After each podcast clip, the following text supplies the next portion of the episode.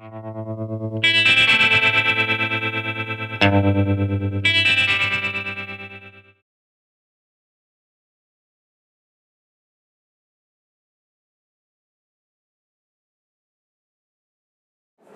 dobry Państwu. Mamy godzinę 14.30. Chciałbym gorąco przywitać na dzisiejszej debacie eksperckiej, na dzisiejszej konferencji. Konferencji organizowanej przez Fundację Europejskiego Funduszu Rozwoju Wsi Polskiej oraz Instytut Debaty Eksperckiej i Analiz Quanttank.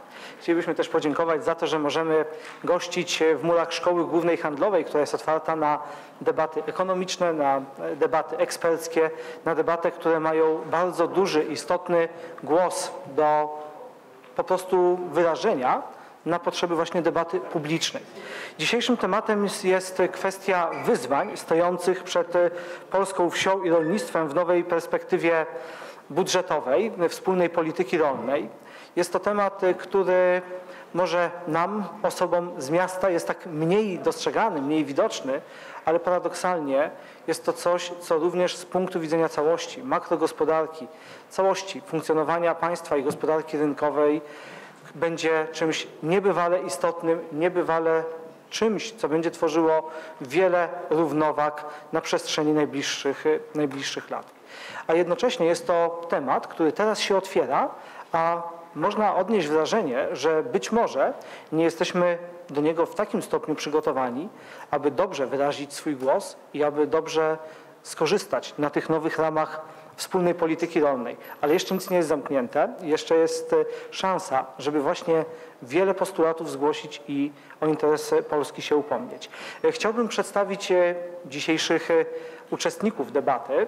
Rozpoczniemy debatę od prezentacji pana profesora Walentego Poczty, który jest profesorem, profesorem w Poznaniu, na Akademii Ekonomicznej w Poznaniu, Uniwersytecie Ekonomicznym, Uniwers Przyrodniczym, Uniwersytecie Przyrodniczym w Poznaniu. Specjalizuje się w problematyce, w problematyce rolnictwa w zasadzie przez całą swoją karierę zawodową i również jest istotną, istotnym uczestnikiem debaty publicznej. Będzie z nami również pan profesor Jerzy Wilkin, związany z Uniwersytetem Warszawskim, a także z Polską Akademią Nauk. Ekonomista, ale bardzo blisko problematyki rolnej oraz rolnictwa. Chciałbym przywitać pana Jerzego Plewę, który zdecydowanie bardziej jest znany w debacie publicznej jako propaństwowiec, jako osoba obecna w jako polski urzędnik państwowy, ale także jako wiceminister rolnictwa. Chciałbym przywitać panią profesor Monikę Stanny, związaną z Instytutem Rozwoju Wsi. Pani profesor jest autorką, współautorką bardzo ważnego opracowania dedykowanego rozwoju i monitoringu obszarów wiejskich. Również tą publikację dzisiaj można zobaczyć, z tej publikacji można skorzystać. Jest z nami pan Grzegorz Brodziak, dyrektor zarządzający Good Wally, a także osoba, która jest związana z przemysłem rolnym, związana jest z funkcjonowaniem w polskim rolnictwie jako praktyk i chcielibyśmy ten też głos od osoby specjalizującej się, a jednocześnie aktywnej publicznie usłyszeć oraz również równie gorąco i równie ciepło chciałbym przywitać pana doktora Mirosława Drygasa, związanego również z Instytutem Rozwoju Rolnictwa i Wsi Polskiej, również autora wielu ważnych, znaczących publikacji i opracowań dotyczących sytuacji w polskim rolnictwie. Zacznijmy od kilkunastominutowej prezentacji pana profesora, a później przejdziemy do debaty. Zapraszam.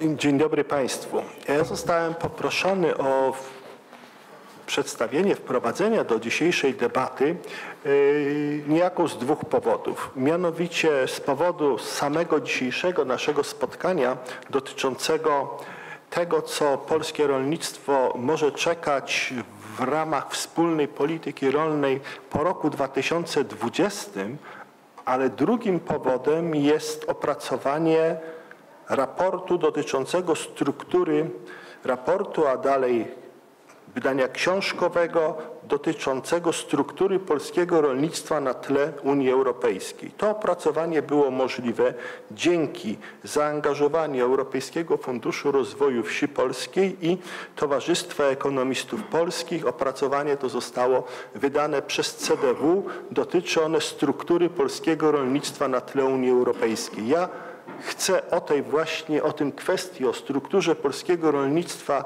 zrobić moje wprowadzenie, bowiem struktura polskiego rolnictwa, ta, którą mamy obecnie, ona niejako wyznacza te starania, które powinny być czynione, czy to stanowisko, które być, powinno być prezentowane w perspektywie po roku 20 i po dalszych. Czyli niejako jest potrzebny pewien remanent, gdzie jesteśmy, żebyśmy mogli myśleć i mówić o tym, co, co chcemy, co należy jeszcze uczynić, by rolnictwo polskie się lepiej w Unii Europejskiej odnajdywało.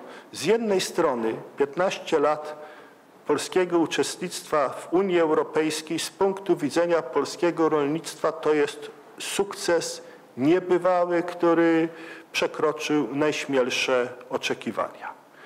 Szczególnym, takim bardzo często przedstawianym i słusznie przykładem jest y, to, co się wydarzyło w polskim handlu zagranicznym produktami rolnymi. On wzrósł w czasie polskiego członkostwa w Unii Europejskiej kilkukrotnie. Wzrósł z niecałych 6 miliardów do 30 miliardów euro, cechuje się bardzo dużą nadwyżką, stanowi kilkanaście, prawie 14% całości polskiego handlu zagranicznego. Nadto sobie trzeba zdawać sprawę, że jedna trzecia tego, co wytwarza polski sektor rolno-żywnościowy jest eksportowane, a 80% z tej jednej trzeciej na rynki unijne jeśli by nie rynki unijne, możliwości eksportu polskich produktów, możliwości rozwoju polskiego sektora rolno-żywnościowego byłyby przez stronę popytową bardzo mocno ograniczone. Popyt bowiem na produkty żywnościowe e, w polskim jeśli chodzi o popyt wewnętrzny, ma charakter takiego popytu, bym powiedział, nawet recesyjnego. Są lata, że on rośnie, ale rośnie o kilka procent i to jest wszystko. No na przykład w stosunku do roku 2000, 2005 popyt na produkty żywnościowe urósł o 8-9%. I to jest wszystko. W stosunku do roku 2010 o 6%. Czyli popyt krajowy nie ciągnąłby sektora rolno-żywnościowego. Ten wzrost jest możliwy dlatego, że możliwy jest eksport i tak ważny jest jednolity rynek europejski. Nadto sobie trzeba zdawać sprawę, że yy, ten jednolity rynek europejski jest e, stosunkowo, bym powiedział, z jednej strony rynkiem wymagającym, bo jest to rynek zamożnych i świadomych konsumentów, ale z drugiej strony jest rynkiem stosunkowo łatwym, bowiem jest pozbawiony wszystkich barier taryfowych, pozataryfowych, czyli nasze rolnictwo, jeśli ma przewagi, to może na tym rynku swoje produkty i przemysł spożywczy mogą lokować. Natomiast jest kwestia, na ile te przewagi będą do utrzymania w obecnej strukturze polskiego rolnictwa. Wydaje się bowiem, że te możliwości e, są wyczerpywane, a przynajmniej są wyczerpywane po stronie rolnictwa. Przemysł ma je większe, może bowiem, no co tu dużo mówić, korzystać także z surowców nierolnych, niewytwarzanych w naszym kraju. E,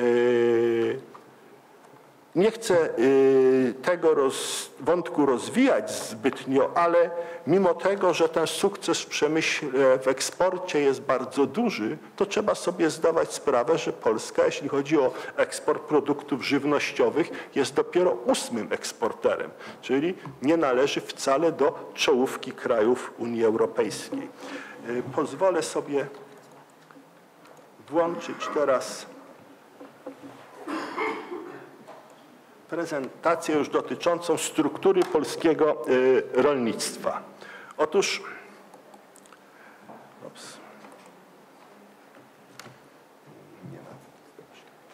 Otóż proszę Państwa, ta struktura to uorganizowanie tych, uorganizowanie po prostu czynników produkcji pracy, kapitału i w rolnictwie wyróżniamy ziemię jako ten czynnik produkcji, który odgrywa zdecydowanie największą rolę. Ja trochę mam prezentację, powiem tak, dłuższą niż mam czas, więc niektóre slajdy pominę i odsyłam do raportu, o którym już y, mówiłem. Proszę Państwa, nakłady pracy. Ten niezwykle ważny czynnik w przeliczeniu na pełnozatrudnionych. Nadal nasz, nasze rolnictwo znajduje się wśród wszystkich krajów Unii Europejskiej na pierwszym miejscu. To są zasoby przeliczone na pełnozatrudnionych w rocznych jednostkach zasobów pracy. 18% zasobów pracy w rolnictwie polskim, wszystkich unijnych. Jeśli chodzi o użytki rolne, no w tej chwili po wyjściu Wielkiej Brytanii jesteśmy Nasze rolnictwo ma czwarte co do wielkości zasoby użytków rolnych, ponad 8% zasobów użytków rolnych. Nakłady kapitałowe w Polsce to 5%. 5%. Widzimy już dysproporcje, tak? Mamy zatrudnionych kilkanaście, y, mamy 8% ziemi, 18% zatrudnionych i 5% kapitału. W rolnictwie polskim jest rejestrowanych 1 400 tysięcy gospodarstw, nadal 13,5. Czyli jeśli byśmy spojrzeli, pierwsze miejsce pod względem zasobów pracy, piąte ziemi, siódme kapitału, drugie gospodarstw rolnych, ten już obraz pokazuje, że relacje właściwe być nie mogą. Wyposażenie pracujących w zasoby pracy i w zasoby ziemi jest daleko mniejsze. Oczywiście zasobów ziemi nie zwiększymy, zasobów kapitału. Oczywiście zwiększanie takie, żeby dorównać do średniej byłoby zbyt drogie. Kierunek jest jeden. Musi mniej osób być związanych z rolnictwem. To jest możliwe też, jeśli ta potężna liczba gospodarstw będzie się zmniejszać. I teraz dwa słowa o strukturze gospodarstw. Ona się poprawia w Polsce. Maleje liczba gospodarstw o wielkości do 30 hektarów. To jest ważne, bo za chwilę się do tego odniosę. Przybywa gospodarstw 30 i więcej hektarów, ale proszę Państwa, tych gospodarstw 30 i więcej hektarów jest w Polsce raptem 75 tysięcy, 5,5%. Maleją również zasoby ziemi w tych gospodarstwach do 30 hektarów. Przybywa ziemi w gospodarstwach większych, ale jest ich 42%. Ja wiem, że jest szary system dzierżawy, o tym pewno będzie mowa. No ale jeśli to jest 10 punktów procentowych czy 15, to nadal 40-45% ziemi jest w ewidentnie kiepskich strukturach rolnych. Proszę Państwa, coś, co jest dosyć istotne. Mianowicie, jak zmieniła się, czy ile wynosi próg wielkości obszarowej, od której następuje przyrost liczby gospodarstw. W długim okresie badanym to, to liczył współredaktor tego opracowania, pan y, doktor Janusz Rowiński, ustalał te właśnie progi i w rolnictwie polskim tym progiem obszarowym, od którego następuje przyrost liczby gospodarstw, to jest przedział od 30 do 50 hektarów. W zdecydowanej większości krajów, krajów, w których jest rolnictwo konkurencyjne względem naszego, czyli tych krajów, gdzie struktura produkcji jest taka jak w rolnictwie polskim, no bo konkurencyjnym dla rolnictwa polskiego nie może być rolnictwo Słowenii, Malty, ale konkurencyjne jest rolnictwo niemieckie, francuskie, duńskie czy holenderskie, to tą, tą normą obszarową jest 100 hektarów. Przybywa gospodarstw, które mają 100 i więcej hektarów. Wyjątkiem jest Holandia, ale tam intensywność produkcji z jednego hektara jest na tyle wysoka, że to rolnictwo należy traktować zupełnie inaczej. Trzy slajdy, które są dosyć istotne. Rolnictwo polskie, udział użytków rolnych, tego bardzo ważnego zasobu w rolnictwie, czyli ziemi, 48% ziemi w gospodarstwach do 20 hektarów. Więcej jest na Cyprze, na Malcie, w Słowenii, ale to, co mówiłem, to nie jest konkurencja dla rolnictwa polskiego. Od 20 do 100 hektarów, średnie gospodarstwa 31. Tutaj zwraca uwagę na przykład bardzo duży udział ziemi w rolnictwie holenderskim w tej grupie, ale to jest inna intensywność wytwarzania. Jak starczy czasu, to pokażę, jaka jest produkcja z jednego hektara w rolnictwie holenderskim, a jaka jest w polskim. No i powyżej 100 hektarów znowu mamy to samo. Udział ziemi w rolnictwie polskim 21%, tak samo też w Holandii, potem już jest Cypr, Słowenia, ale w tej grupie środkowej w Holandii bardzo dużo. Proszę Państwa, Często mówimy jeszcze, myślę, że w dyskusji będzie do tego nawiązania, jakiś nieraz